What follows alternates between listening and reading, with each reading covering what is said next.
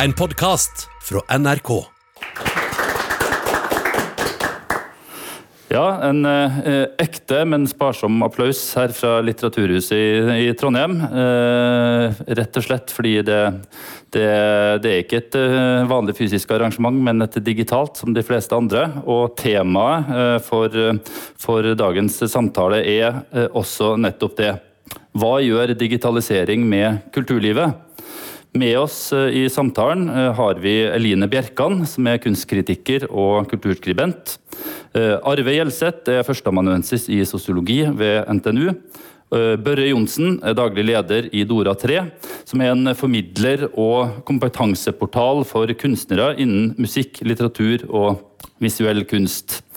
Eh, jeg skal lede samtalen, og mitt navn er Trond Aam og er daglig leder ved Litteraturhuset i Trondheim.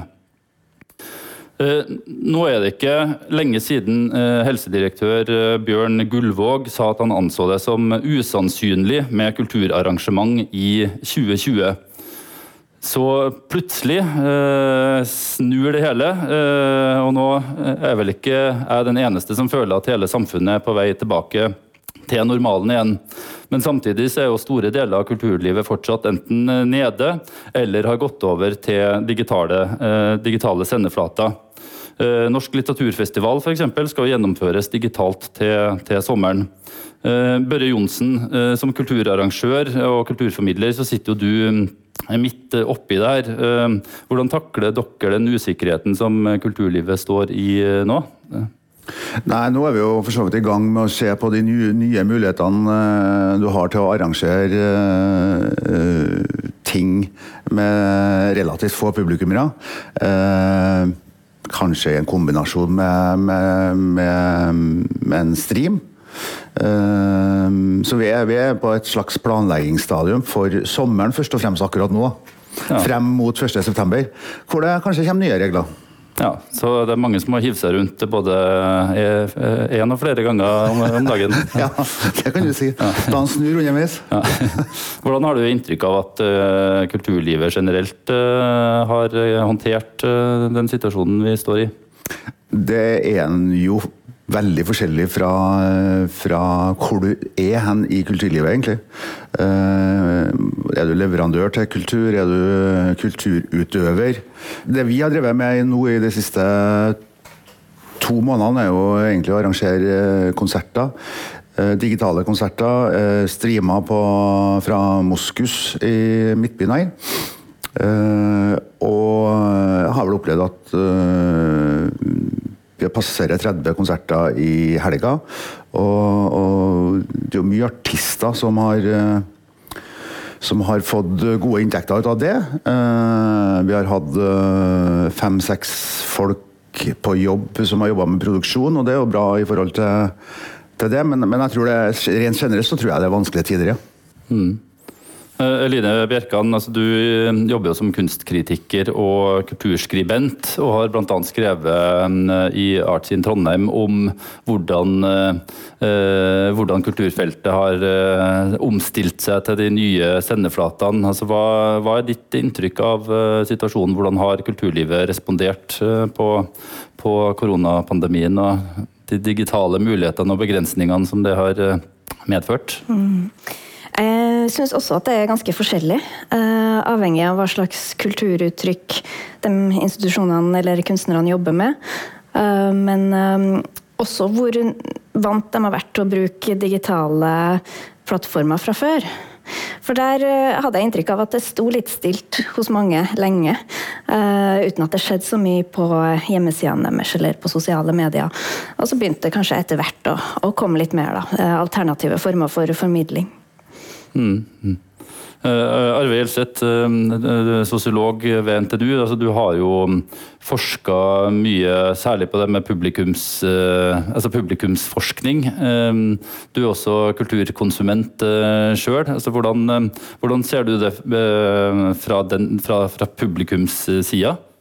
Nei, altså det jeg tror jeg har inntrykk av, at det har vært betydelig vilje til å konsumere kulturopplevelser digitalt nå de siste par månedene.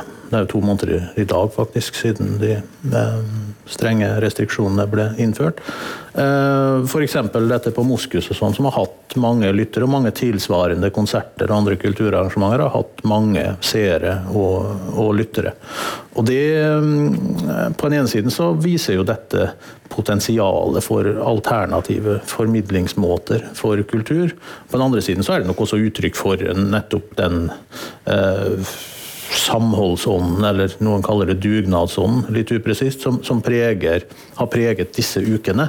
Sånn at uh, det at det er en viss interesse for, og kanskje også betalingsvilje for kulturkonsum digitalt nå, betyr ikke nødvendigvis at de er en situasjon som vil vedvare over tid, f.eks. Eh, hvis eh, betingelsene for kultur konsum fysisk eh, forblir, eh, skulle forbli like begrensede. Mm. Men eh, interessen for å søke opp alternative kanaler har jo vært veldig stor. Fordi folk har behov for ulike typer kulturopplevelser, rett og slett. Og så vil det antagelig variere mellom eh, ulike kunst- og kulturformer hvor det fungerer godt, og hvor det kanskje fungerer eh, litt mindre godt. Det er jo avhengig bl.a. av hva som tradisjonelt kjennetegner relasjonen mellom de som er på en scene, og de som eh, lytter eller ser på. Å eh, sitte her nå i et nesten tomt studio, bare med et par teknikere og to-tre andre debattanter, er jo også en veldig forskjellig erfaring fra om det er 50-100 personer i sal som lytter på. Det er noe med interaksjonen mellom scene og sal som, som, utgjør en vesentlig del av enkelte typer kulturarrangementer, som på en måte eh, blir borte, eller i hvert fall fundamentalt annerledes, eh, når man formidler noe digitalt. Mm. Vi ser jo, altså Kulturaktørene har jo veldig ulike forutsetninger nettopp pga. det du, du, nevner der. Noen kulturuttrykk egner seg veldig godt i digitale sendeflater, andre gjør det ikke. Men eh, altså, hva slags altså, altså, altså nå, nå, er vi jo, hvis vi er heldige, da, på vei ut, ut av det her. altså Hvordan, hvordan vil dere oppsummere kulturlivets håndtering av eh, korona? Er det noe, noen kulturuttrykk dere vil trekke fram som spesielt gode, som, som er verdt, verdt å legge merke merke si at jeg skal starte, Altså, jeg altså, jeg synes at uh, den som utøver kultur, på en måte har vært uh, kreativ ganske kjapt. Uh, funnet på ting. Det, det er jo, hvis du, hvis du er innom Facebook-feeden din, så, så skjer det jo live-ting over, overalt. Med forskjellige kulturaktører, og, og, og med mindre, mer eller mindre hell, da. Det skal jo sies. Men jeg syns, syns altså, kulturutøvere synes jeg har klart seg bra. Mm. De, har, de har bydd på seg sjøl, det vil jeg påstå. Mm. Jeg syns det ble godt sagt uh, i en pressemelding som Fotogalleriet sendte ut uh, i Oslo. Uh, og Der står det at man må bruke det digitale som en, et verktøy, og ikke en løsning. Og Det syns jeg på en måte markerer et skille mellom kunst, kunst- eller kulturinstitusjoner som har brukt det digitale mest litt sånn passivt. Dokumentasjon og bildegalleri og ja, knipse noen litt sånn tilfeldige bilder, kanskje. og dem som faktisk har greid å bruke det digitale til å til at det, det, digitale blir på en måte en del av verket i seg sjøl, og tilfører noe eget. Uh, og nå så jeg nylig noe som jeg vil trekke fram som, som kanskje ser veldig interessant ut. og det er det at Trøndelag Teater har plassert, um, eller skal plassere Marianne Meløy i en, en, av de her gamle telefonboksene i byen. Uh, og så kan da publikum ringe inn fra sin telefon og høre på en kåseriføljetong som hun skal fremføre der. Og det skal jo handle om situasjonen her. Jeg tror den heter 'Verdens overgang', den der serien. Uh, og det skal bli en del av en mer tradisjonell forestilling etter hvert, da. Men det er jo det hadde kanskje ikke skjedd hadde ikke vært for korona. Og det tilfører jo en, uh, en ny side av av den forestillinga som blir. Mm. Ja, jeg leste om, om det og håper jeg får med meg akkurat den forestillinga. Og det jeg også beit meg merke i, og det syns jeg er litt interessant. At, at, hun kaller det teatrofonen, og at det var inspirert av, av, noe som fant sted i Paris for over 100 år siden. Da, da, telefonen kom, så ble det mulig å ringe inn, og så kunne du høre teaterforestillinga gjennom telefonen. Så det var tydeligvis en omstillingsvillighet allerede den gangen til nye digitale muligheter. da. Men uh, samtidig så er det jo uh, ja, det er jo fryktelig mange digitale arrangement som, uh, som ligger ut, og veldig mange er jo egentlig bare fysiske arrangement som har blitt filma.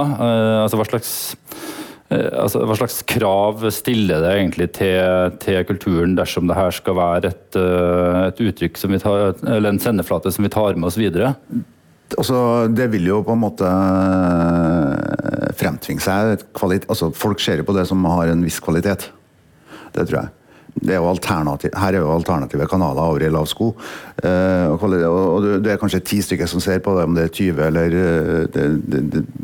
Men så er det faktisk uh, sånn at du kan arrangere gode ting, og så sitter titusentalls og, og, og kikker på direkte. Og det um, da, da, du setter krav til deg sjøl som arrangør og du må på en måte levere. Uh, men det er jo spennende. Du kan sitte og følge med reaksjonene fra publikum. Uh, det som har vært spesielt, syns jeg, da, med, med, med, de konsertene vi har gjort, er å være um, Altså, det er ikke noe interaksjon mellom publikum og artist, men mellom publikum så er det voldsom interaksjon. Og artistene er jo egentlig jeg skal ikke si at de er happy, men de, de, de syns jo egentlig at det er ålreit at det ikke er så mye forstyrrelser når, de, når, de, står og gjør en del av de her fine låtene sine. Mm. Så, så det, eh, vi, vi, utvikler oss og, og, vi lærer oss dette her. Jeg husker de første sendingene vi gjorde, så var det jo ingen som fant de her sendingene. Nei. det var håpløst å finne det, men nå er det jo øh, Og de, de klarte jo i løpet av sendinga, eller i løpet av konserten øh, ofte, men, men, men nå får vi ikke noe spørsmål om det, folk er på. Mm. Nei, Det er jo veldig interessant det med altså, Det skapes nye og andre former for fellesskap. Enten i de fleste tilfeller nå da, mellom publikummer og sånn, i kommentarer til det som eh, foregår på en eh, digital scene. Uh, og Det viser jo hvordan kulturarrangementer er noe mer enn bare det å konsumere noe som foregår på en scene, men veldig viktige deler av det er knyttet til ulike former for fellesskap blant de som hører på.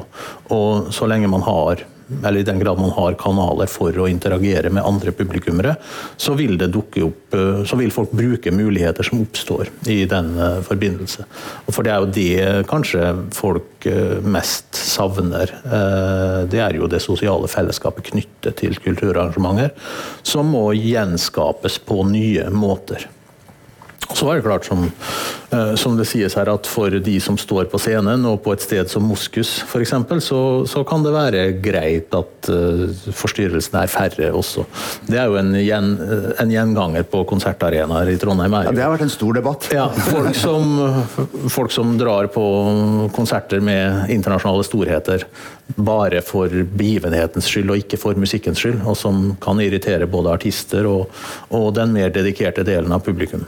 Sånne spenninger blir det jo færre av på en måte nå, da. men eh, det, det betyr ikke at jeg tror at eh, folk vil slutte å oppsøke mm, kulturarrangementer fysisk. For det har noen dimensjoner som er noe annet enn bare det som foregår på scenen. Nemlig å, å um, skape interaksjon mellom scene og sal, og, og selve det sosiale fellesskapet som, som besøk på kulturarrangementer uh, innebærer. Jeg kan, jeg kan tilføye der da, at, at uh, de første sendingene fra oss uh, da, da, var ikke jeg i studio, eller i på Moskus, men nå har jeg vært en tre-fire konserter her på, på, slutten, etter at det begynte å bli litt eh, åpna opp.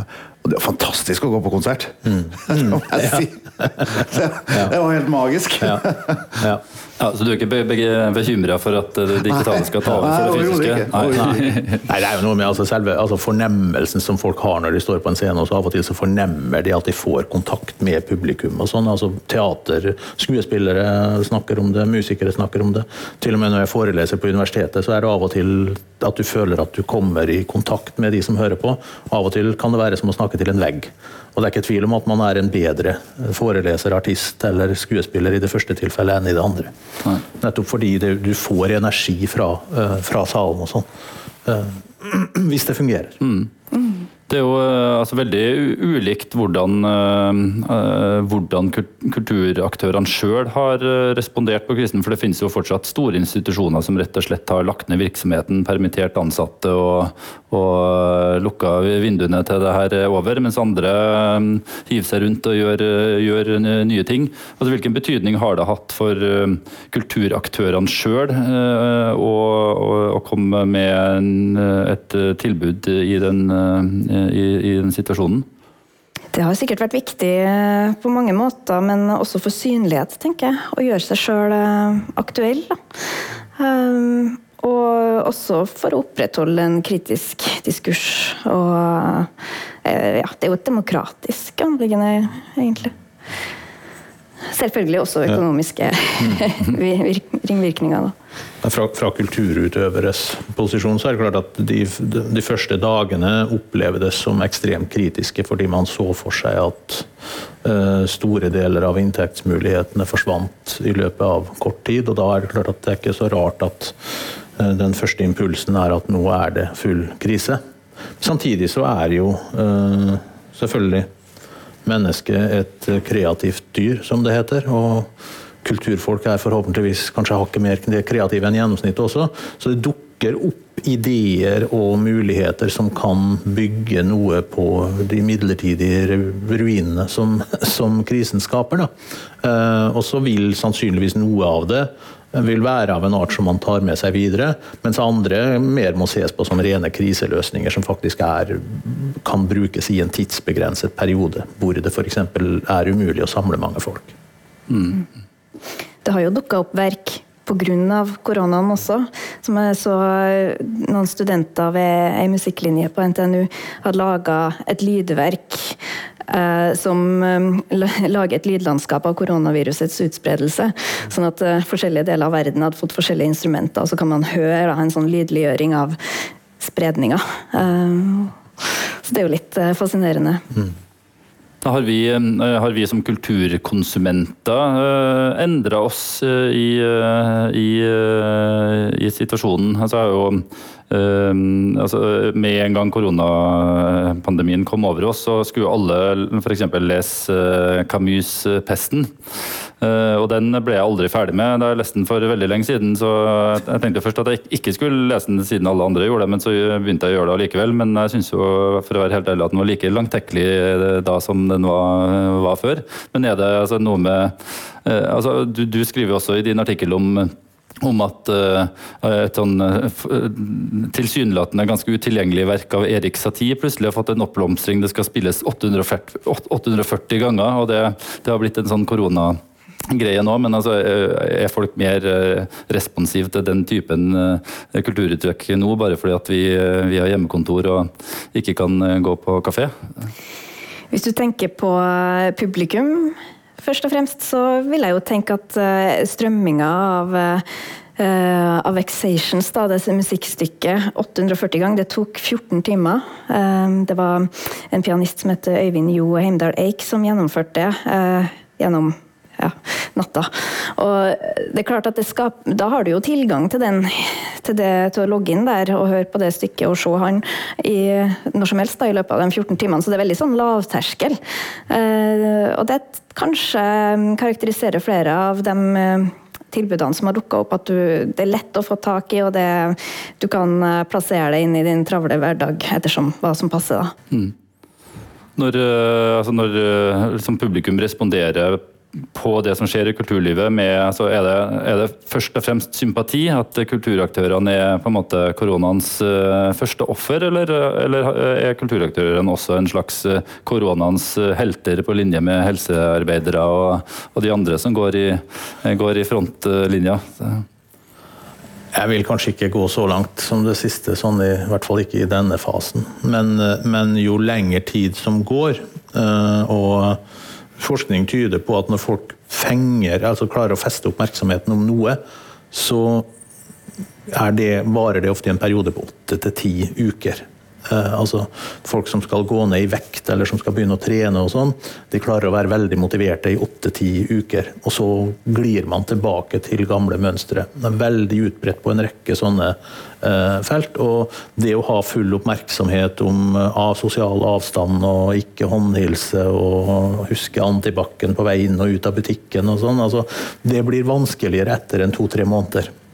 Og da tror jeg at behovet for eh, situasjoner som ligner litt mer på hverdagslivet, vil bli stadig viktigere. Så jeg tror betydningen, Forståelsen for betydningen av kultur tror jeg kanskje vil vokse fra noe av. Eh, nettopp fordi folk etter hvert føler seg de føler et veldig sterkt behov for å knytte oppmerksomheten i hverdagen mot noe annet enn å følge med på disse kurvene for antall smittede og innlagte og sånn. For det, det er en grense for hvor lenge du klarer å la bevisstheten hele tiden skulle jobbe med akkurat de tingene.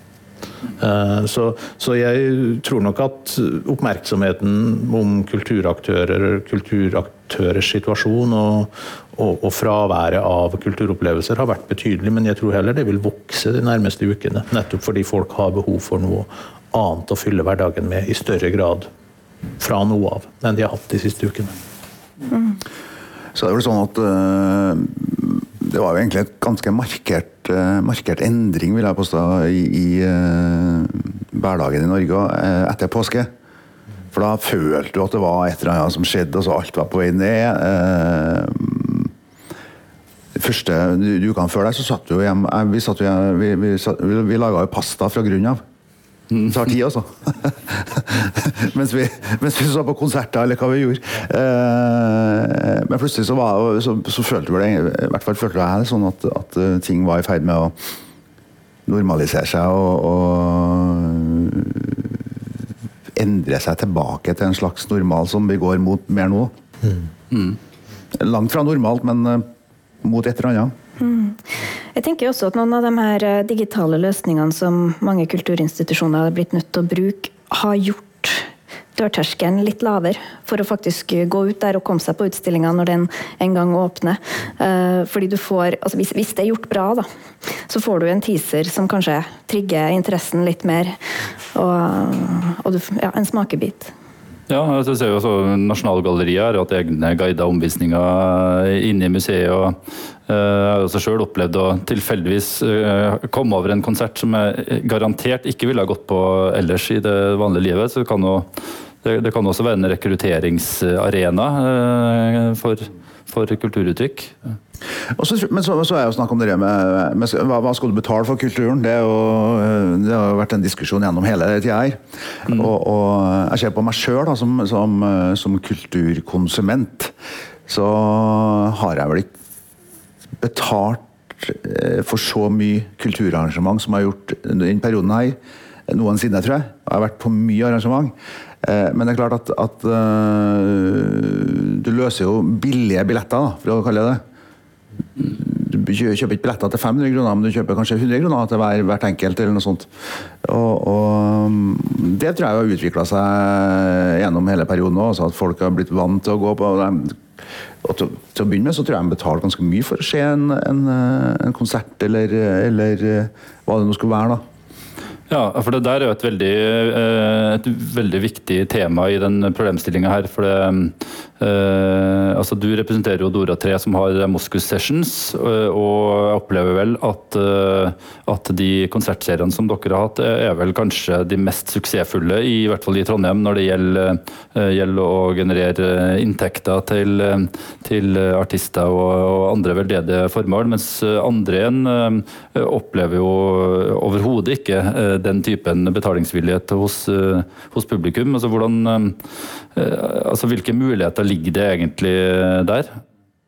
Nei, altså det, det er jo altså Markedet, på en måte. Det er jo et marked her. Vi, vi er jo et marked, og, og, og, de største artistene, de mest populære artistene, de, de, de trekker jo det største publikummet. Og, og øh, til en viss grad så, så, vil jo de få, få de beste honorarene. Ikke nødvendigvis hele tiden, men, men det har vært litt sånn. om det har vært bærekraftig for Dora 3 og Moskus og, og Crispin Glover som har, som har vært sammen med meg, det har det egentlig ikke vært. Men så har vi vært så ble vi jo her så populært at vi klarte å få inn sponsorer og supportere. Mm. Så at du klar, på en måte klarte å, å, å, betale dem som var på jobb. eller noe sånt. Så, så, ja, så sponsorene har vært en avgjørende del absolutt, av økonomien her? Ja, ja. Det, det, er ikke noe tvil om. Nei. Altså Litteraturhuset har jo hatt uh, mange digitale arrangementer i siste, og vi oppfordrer også publikum til å, til å uh, vippse uh, valg, et valgfritt beløp i forbindelse med sending. Og vår erfaring er at altså, publikumstallene er kanskje omtrent som, som de fysiske arrangementene, mens Vipps-inntektene var jo i begynnelsen på kanskje maks 10% av det vi ellers ville ha generert i billettinntekter, og har vært stadig fallende siden. Ja, ja. Du fortalte meg det en gangen. Ja. Hva, altså, hva, hva, er deres inntrykk av, av det her? Altså, nå er jo veldig mye av det her VIPS-generert. Altså, det, det, det, er ikke betalingsplattformer hvor du må betale deg inn for å se konserten. Det man oppfordrer, oppfordrer til frivillig eh, betaling. Det, det kommer til å snu. Mm. Nå, det, er jeg helt sikker på at kommer til å snu nå. I, for nå kommer det til å bli en periode hvor, hvor tror jeg Nå må jeg snakke for musikk vi som driver mest med musikk, da, vi driver med andre ting òg, men, men, akkurat nå så er det vi, eh, det vi har funnet ut som fungerer best ut mot publikum. da. Av det vi driver med. Og, og um, jeg tenker at, at uh, vi fortsatt skal streame, men da vil det komme til å komme en betalingsmur etter hvert her nå. På, altså, du kommer til å ha et lite publikum, og så kommer du til å ha mulighet til å se konserten live streama i tillegg. Mm. Det kommer ikke til å bli noen høye billettpriser, men det kommer til å bli en billettpris. For den kulturen kan ikke være gratis, og, og artistene må få et slags honorar som, som, de kan leve videre på. Mm. Nei, dette er jo noe av det mest interessante, og noe jeg for så vidt ikke har så mye forskningsbasert kunnskap om. Eh, men det som skisseres her, er jo noe som ligner litt på da nettavisene etablerte seg i Norge. altså For 20 år siden så var det meste på de store avisene gratis. Og man satset på at folk gjorde seg avhengig av nettaviser, og så kunne man gradvis innføre betalingsløsninger. Og så har det tatt mye lengre tid enn de kanskje håpet på, å få folk inn på betalingsløsninger på en god del sånne sider. Eh, men eh, det er jo ikke noe tvil om at eh, hvis det finnes ok substitutter av gratis art, så er terskelen høyere for å betale for noe. Eh, hvis eh, de fleste av de digitale arrangementene på Litteraturhuset er eh, gratis, men med oppfordring til å vippse noe, så er det alltid noen solidariske sjeler som, som bidrar med et beløp. Men hvis det er tilgjengelig gratis, så, så, er, skal, så sitter det nok langt inne å gjøre frivillig betaling til en sånn utbredt, et utbredt fenomen. Det vil komme. Eh, det vil presse seg frem løsninger hvor, hvor, man har en eller annen abonnementsordning, eller kanskje aller best eh, betaling for enkeltarrangementer. Ja. Vil jeg mene. Det tror jeg vil jeg tro er det som er aktuelt. Også. Men dette, dette, tar lang tid å få til. ikke sant? Man kunne f.eks. tenke seg en sånn Trondheimsbillett for alle kulturaktører som man betalte og så fikk tilgang til veldig mye forskjellig. Sånn er det i praksis mange nettaviser eh, fungerer. Mens det veldig mange savner når det gjelder nettavisene, er jo at man kan betale for enkeltartikler. Fordi det i løpet av en måned så er det minst 40 aviser som har en sak som jeg kunne tenke meg å lese. Men det er jo aldri aktuelt å abonnere på 40 aviser. Nei, og Det vil aldri, aldri skje, eh, ifølge kilder jeg har eh, hatt tilgang til. Det har blitt undersøkt mange ganger, og man mener at det ikke vil være praktisk gjennomførbart. Eh, det er jo mm. Det, vil jeg, det må det jo kunne bli. vet Du altså, Du sitter jo her med, med som du sier, med, med Du er innom plenty tidsskrift, eller hva du er på. Og så er det noe du absolutt vil lese. Du kan jo ikke kjøpe alt det der. Må, altså, at de ikke har funnet noen løsning på det i, i, media, det skjønner jeg ingenting. At du betaler en tier for å lese den artikkelen. Ja. Jeg tenker at betaling nødvendigvis ikke trenger å være så kobla opp mot det digitale heller.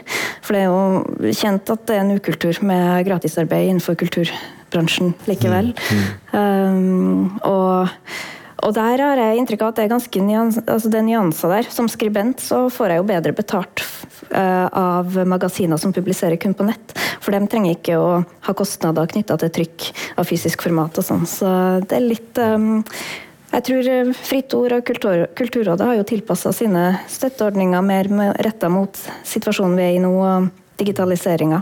Mm. Eh, BI-professor Anne-Britt Gran gikk jo nylig ut i eh, kulturmagasinet Kulturplott og med påstand om at kulturlivet er i ferd med å digitalisere seg etter fant. Så ville jo at, at det her gratisprinsippet skulle opphøre nærmest umiddelbart. Er det, altså er det en nødvendig vei å gå, slik det legges opp til nå? At det er en lang periode med veldig mye VIPS og i hvert fall for vår del fallende VIPS-inntekter før man får folk inn på et betalingsspor? Ja, altså jeg tror, eh, jeg tror jo at eh, det var jo unntakstilstand. Vi visste jo egentlig ikke I hvert fall vi når vi starta med det, så visste vi jo ikke Vi visste jo egentlig ingenting. Men vi må prøve det her, da. Så prøvde vi jo med, med, med, frivillig betaling, og det har jo fungert egentlig. Det har fungert egentlig helt frem til nå. Mm. Uh, men det, det, er ikke bærekraftig i lengden. Og, og dermed så må, Hvis du da kan eh, Sånn som det blir en periode nå, gjennom sommeren i hvert fall um, Hva som skjer til høsten, vet vi jo ikke. Om det blir åpna for noe større publikum. Um, men at det da vil være ganske få i salen. Men at den salen, for dem som er interessert, da, det vil jo bli fort utsolgt. I og med at det er plass til så få publikum. Eh, men så kan det være mange flere som har kanskje lyst til å betale en 50-lapp eller en 100-lapp hva vet jeg, for å, for å se den, det, det, showet eller konserten eller hva det nå skal være. Mm. Så at du, du, får med deg litt ekstra publikum inn der, og klarer å, da å, å på en måte eh, få uh, et fullverdig honorar da. Mm. til dem som jobber, og til artist. Men er det, altså det, Jeg har jo sett uh, noen konsertproduksjoner sjøl, og det har, jo, det har, jo, gått fra å være veldig enkle produksjoner til å ha ganske god kvalitet, også teknisk, uh, etter hvert. Uh, og betalingsviljen hos publikum har jo alltid vært høyere for konserter enn andre typer samtalearrangement. Altså, er det tenkelig at man, at man om en stund har en betalingsløsning for politiske debatter, f.eks., eller det, sånn eventyrstund for barn på biblioteket, sånne ting? Eh, nei, altså Det er jo noen typer kulturformidling som tradisjonelt har vært gratis, eh, og som kanskje bør være det også. Eh, typiske bibliotekarrangementer som folk er vant til at er, har vært gratis på biblioteket. Der tror jeg terskelen for å betale også er, vil være høyere. Eh, men etter hvert så har det jo blitt vanlig med moderate billettpriser for en del type debattarrangementer og sånn. Eh, som eh, ja hundrelapp for en, times debatt eller et foredrag og sånn, har jo begynt å bli vanlig. Også på arenaer som kanskje for 10-15 år siden ofte var gratis. Uh, og det er jo ikke noe problem. Det som er problemet, er jo at det blir litt sånn merkelig med forholdet mellom tilbud og etterspørsel her. fordi at det er jo ikke begrensning på plasser hvis man skal konsumere noe digitalt. Og dermed så bør antagelig prisen settes lavere. Også fordi opplevelsen kanskje blir litt kjipere for den som hører på, hvis man ser det på internett i stedet for å, uh, å se det i en Se aktørene live på en scene. Mm. Hva med, hva med, kunstfeltet og på andre områder, Rine? Det, altså det, det, meste av det som foregår av kreative stunts om dagen, er jo gratis. Mm. Ja, jeg tenker det handler om eh, en Kanskje vi ønsker oss en profesjonalisering. Og med det så vil jo produk det produktet som skapes, også kreve mer penger. Eh, men sånn som jeg forstår det, så um, tror jeg nok de fleste kulturaktører og institusjoner får mest inntekt fra forskjellige støtteordninger. Um, og at det kanskje heller enn billettinntekter, selv om man kan satse på det også, er viktig at uh, de største støtteordningene um, uh, legger til rette da, for, for denne ny, en ny type formidling av, eh, av, kunst og kultur. Jeg så jo i Fritt Ord sin eh, Jeg tror de kaller det for krisebevilling. så har jo eh, litteratur Tre-fire litteraturhus, blant annet her vi sitter nå, fått støtte. Og det er jo morsomt å se på prosjekttitlene. Det er jo sånn Digilit litt hus i ditt hus og digital spesial, og det antyder jo en viss retning. Så, så, jeg tror det er viktig å få, å få offentlig støtte, og, ja, og altså private. Mm. Nei, det, det er klart det er et, et, eh, et, viktig poeng at mye av legitimiteten til, um, til mange kulturinstitusjoner er jo knyttet til at de, har, uh, at de er gjenstand for publikums interesse. Og, og, og, da er det ikke sikkert at uh, å presse folk til å betale for alle typer arrangementer er veien å gå, hvis det uh, hvis de som da sitter på pengesekken i neste omgang kan vise til at dette er det tydeligvis ikke noe betalingsvilje eller interesse for. Sånn at en viss sånn base av, av, av, legitimitet er nok knyttet nettopp til at uh, publikumstallene viser at det er behov for den type, og interesse for den type arrangementer også. Der er f.eks. musikkfeltet i en litt annen situasjon enn en del andre typer kunstuttrykk eh, tradisjonelt sett er. Ikke alle typer musikk, men noen typer musikk. Det skal bli spennende å se. Altså, nå åpner jo øh, det nye teatret øh, på 17. mai. Mm. Med en, øh, med en digital forestilling. Og der, der, må du ha billett for å, for å kunne se forestillinga. Jeg håper de får stor suksess med det, og jeg skal i hvert fall kjøpe meg en billett, jeg. Men, men det skal bli spennende å se hvordan, hvordan om folk finner veien til betaling, om de gjør betaler, om de går inn og ser på den forestillinga. Mm.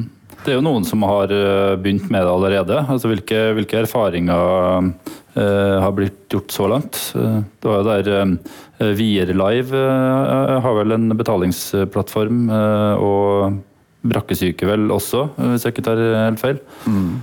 Det er vel uansett en, en kime til noe som kommer for å bli, i en eller annen forstand. Men altså, det feltet du representerer, Børre, det er jo kanskje altså, Musikkfeltet er vel kanskje det, det, kulturfeltet som i størst grad faktisk har et kommersielt potensial. Men ser du kommersielle muligheter på lengre sikt med, med digital konsertvirksomhet?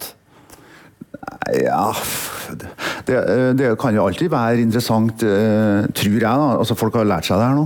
Uh, I forhold til I hvert fall på, på, små scener som fort blir utsolgt. At, at du, kan, du, kan, legge ut, en, en, legge ut konserten i tillegg for et eller annet publikum som er interessert kanskje å bruke en hundrelapp å se det her hjemmefra. Ja, det tror jeg. Det tror jeg kan bli mulig.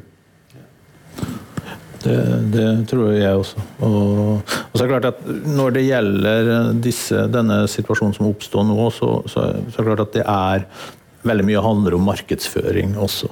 Og ikke minst sånn jungeltelegrafen går og sånn. Også, at man har noen som skjønner hvordan eh, oppmerksomhet rundt ulike typer kulturarrangementer sprer seg.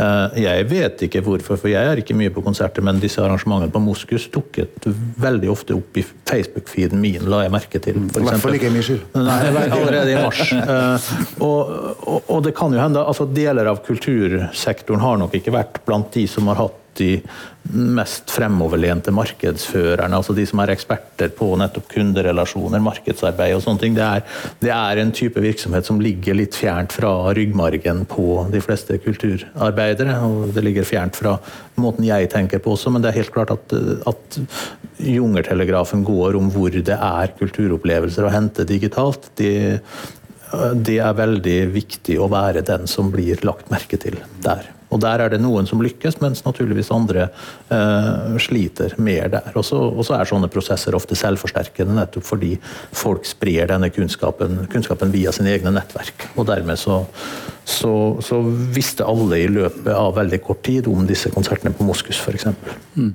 Et aspekt ved det digitale som, eh, som, mange tilhengere av digital formidling har vært opptatt av, er det at det, det digitale har ikke, har, har ikke, de fysiske grensene. Så at du kan nå ut til et veldig mye større publikum, og ikke bare her lokalt i Trondheim eller Bergen eller hvor det skal være, men du kan nå til hele landet og kanskje til og med hele verden. Men uh, min opplevelse er litt sånn som det du var inne på. Jeg får opp Moskus-konserter og andre ting som skjer i Trondheim i feeden min. Uh, noe som egentlig leder til et sånt tilsynelatende paradoks at til og med den digitale sendeflata er veldig lokal. Hva slags eh, inntrykk har dere av det? Jeg, har, jeg, må, jeg må, bare fortelle en litt, litt morsom historie. Da, for at vi, vi, eh, vi, har en medarbeider som, som gjør mye av, av, det som er AD-jobben. Altså uttrykket for Moscow Sessions og sånne ting. Og, og konsertplakatene og det. Han, han bor i Oslo. Og så laga vi Moscow Sessions posters. Street posters, og hang opp i Oslo. Og vi har fått så mye tilbakemeldinger på det. Ja. Gateplakater, rett og slett. Og vi har fått artister inn av de her plakatene. ja. Hva med publikum? Opplever du det at det er et veldig lokalt publikum, eller, eller er det mulig å nå ut? Uh, når ut, ja. ja men det, det forutsetter da en, eh, en markedsføring. Mm, det gjør det. Men det er klart, altså, musikkbransjen er jo, vi er jo vant med det her. Vi, vi, vi, vi har jo de siste årene jobba med, med at alle arrangementene vi har, skal selge ut før de starter. Så utsolgt er, eh, det er noe du kjemper mot, som du skal, og det skal vi helst ha en måned før arrangementet er i gang. ikke sant? Det er jo sånn vi har jobba. Da, da, da, da har du jobba mye digitalt for å skaffe deg publikum fra før.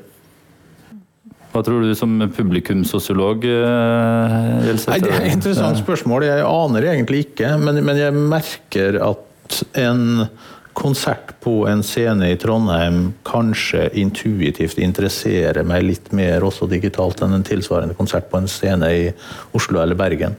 Um, men jeg tror nok at folk er såpass, I tillegg til ønsket om å oppleve noe, så, så tror jeg jo at artisten og sånn vil spille en stor rolle, og at geografien kom, kanskje kommer litt i andre rekke. Når vi da får opp Moskus i vår feed, så har det vel på en måte med den målrettingen som, som f.eks. Facebook gjør mot eh, bestemte publikumssegmenter også, som kanskje ikke er så forskjellig fra hva de vil gjøre med fysiske eh, konserter og andre kulturarrangementer, på en måte. Nei, men det, det er riktig det du sier. Altså, I forhold til publikum så er det klart at altså, du, du, får, du har et publikum som eh, altså, Vi hadde jo vi har hatt globalt publikum, og vi på enkelte av de artistene. Men kjernen er jo Midt-Norge og Trondheim. Definitivt. Men det, men det, vil, det vil avhenge av uh, artistene? Uh, Ja, litt avhengig av artistene, ja. Vi hadde Kari Rueslåtten på. og Vi, vi, da, det var kjempeartig å følge med feeden uh, fra hele, hele verden. Altså. Ja. Mm. Og Stage Dolls, det var jo helt voldsomt med mye folk som syntes det var helt fantastisk, for at de, de følger Stage Dolls, men har jo aldri sett dem live. Nå fikk de plutselig en hel konsert rett hjem. I, Men Hva, hva tror du, eh, Line, rundt eh, liksom, eh, kunstfeltet og andre eh, kulturuttrykk? Om, eh, om eh, internett legger opp til en mer eh, lokal Ja. Mm. Ja. Eh, Personlig så har jeg samme opplevelse som dere, at det er jo mest det som skjer rundt her, som dukker opp. Men eh, det er nok fordi Facebook legger opp til det, ja. Og, og det som jeg interagerer med, og, og det jeg klikker på. Eh, og det går jo egentlig inn under en større debatt om internett, og hvor demokratisk er det egentlig, og hvor åpent og ja, ekkokammer og Jeg vet ikke om vi skal gå der. Nei, men det, det, som, det som er interessant med, med, med Facebook spesielt, da, det var jo at Facebook var på en måte nei, Det tror jeg over, det er ikke en vits å være, og plutselig så var alle sammen på Facebook igjen. For det var der det foregikk. Ja. Ja, det er nok altså, det er veldig mange i Særlig i det aldersgrupp, største alderssegmentet til konserter og sånn, som, som i dag publiserer veldig lite selv på Facebook. Men, de, men, de, men de er, det er nok likevel en viktig sånn eh, markedsføringskanal, altså. eh, virker det som. Eh, selv om for folk er til stede der, selv om de kanskje er veldig forsiktige med hva de publiserer. Det er jo mer folk i vår aldersgruppe som bruker Facebook på den måten mange gjorde for ti, ti år siden, på en måte. Um, ja.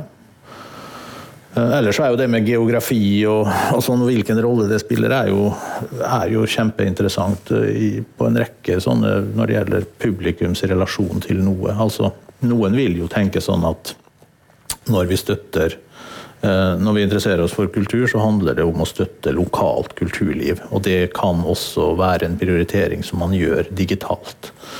Samtidig som erfaringer fra andre publikums type arrangementer er jo at media mediedekning gjør jo at folk blir litt mindre stedbundne. Altså det er jo sånn folk fra Trondheim som foretrekker å se Manchester United eller Liverpool i stedet for Rosenborg på TV. og sånn. Altså du, du vil jo få en, en del prosesser som trekker i den retning, jo mer eh, kulturlivet blir dominerende eh, digitalt, sannsynligvis. Mm. Mm. Samtidig som geografi fortsatt har stor betydning også i idrett, naturligvis. Så det vil ikke være en, en prosess som bare går i én retning. Ja, Potensialet ligger jo der, definitivt. Um, og jeg tenker ja, igjen da, profesjonalisering. altså Hvis de store museene og galleriene greier å nå ut til et globalt publikum, så er det jo også et bærekraftig element i det. Så slipper man å basere seg på cruiseturistene som må komme. Ja.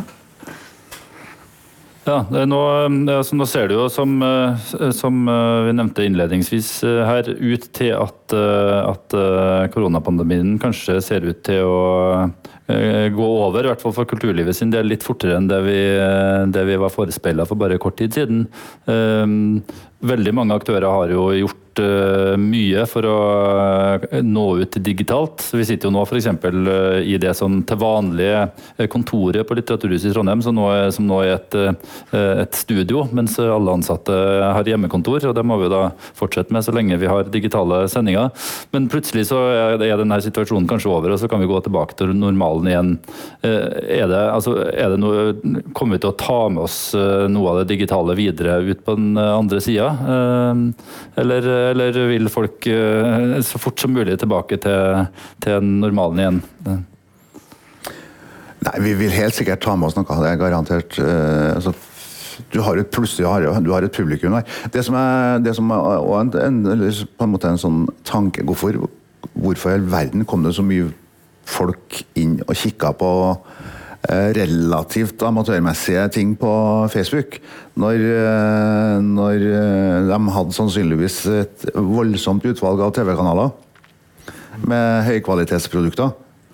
Men, men, det har noe med den geografiske nærheten og, og, og jeg tror at dette kan videreføres på et eller annet vis, i hvert fall i forhold til musikk og konserter, som jeg snakka om. At, at, det kan være en, en ting som blir utsolgt det, det, er færre, i hvert fall til å begynne med nå når det er færre folk i salen, men kanskje også senere på et eh, senere tidspunkt, da, når vi er helt normale. Det er fortsatt mye utsolgte konserter rundt omkring. Mm. Eh, så det kan være et tilbud til, til, publikum som ikke får vanlig billett. Det tror jeg. Mm. Jeg håper at vi kommer til å ta med oss eh, noe. Eh, jeg tenker at gjort på en god måte, så kan det digitale berike en kunstopplevelse eller kulturopplevelse. Og at man utforsker nye rom da, og redskap også gjennom det. Um, jeg tenker at potensielt sett så kan det være bra faglig også. Så at um, Elena Perez, som har vært leder ved Kunstforeninga her i byen, og ei som heter Ellen von Brun ved NTNU, har fått midler fra Kulturrådet for å utforske scenekunst som er digitalt basert. Da. Uh, og de utfordrer da denne veldig sånn etablerte tankegangen om scenekunst som noe som skjer her og nå, og den der unike følelsen som er veldig forståelig at man vil holde på også. Men kanskje kan det komme nye former for scenekunst. Mm. Ja, nei, altså det, Noe tar man jo med seg, og, og mer vil det bli. Altså det, selv om uh, mest sannsynlig så vil det skje en gradvis normalisering, så vil det ta sannsynligvis minst et år før man kan stable sammen folk like tett på teater og i, i konsertsaler som man, eh, som man, er vant til å gjøre. Så det vil være begrensninger på dette i ganske lang tid, ganske sikkert. Og det betyr at kreativiteten også vil fortsette å utvikle seg med tanke på, med tanke på nye måter å gjøre dette på. Men det som er helt sikkert, er at folk vil lengte etter fysiske samlinger. Og at, at uh, publikumsoppslutningen om en rekke ulike typer arrangementer vil bli veldig stor når det blir mulig igjen. Men det betyr selvfølgelig ikke at uh, ikke kulturarrangører bør se muligheten til å parallellsende ting digitalt, nettopp fordi det finnes en, vil finnes en rekke typer arrangementer som har uh, begrensede begrenset publikumskapasitet, og hvor det sannsynligvis vil være mulig for en rimelig penge og, og rekruttere mer publikum og, og, og, kanskje også mer inntekter. Det, det, er jo den mest åpenbare konsekvensen av dette. Det var jo også en Særlig det med å, å parallellstreame uh, uh, ulike typer arrangementer har jo vært vanlig en stund for en god del typer arrangementer. Og så det er jo ikke noe som, der man starter på scratch heller, i alle tilfeller. Mm. Med det tror jeg vi sier eh, takk for oss. Eh, sending fra Litteraturhuset i Trondheim. Hva gjør digitalisering med kulturlivet? Og med oss hadde vi Eline Bjerkan, kunstkritiker og kulturskribent. Arve Gjelseth, førsteamanuensis i sosiologi ved NTNU. Og Børre Johnsen, daglig leder i Dora3. Og mitt navn er Trond Aam, daglig leder ved Litteraturhuset i Trondheim. Eh, vanligvis når vi sender på P2, så, så, har vi applaus både ved inngang og utgang. Skal vi ta en liten sånn eh, digital applaus også? Så, Den er analog. Veldig fysisk. Veldig fysisk. Ja.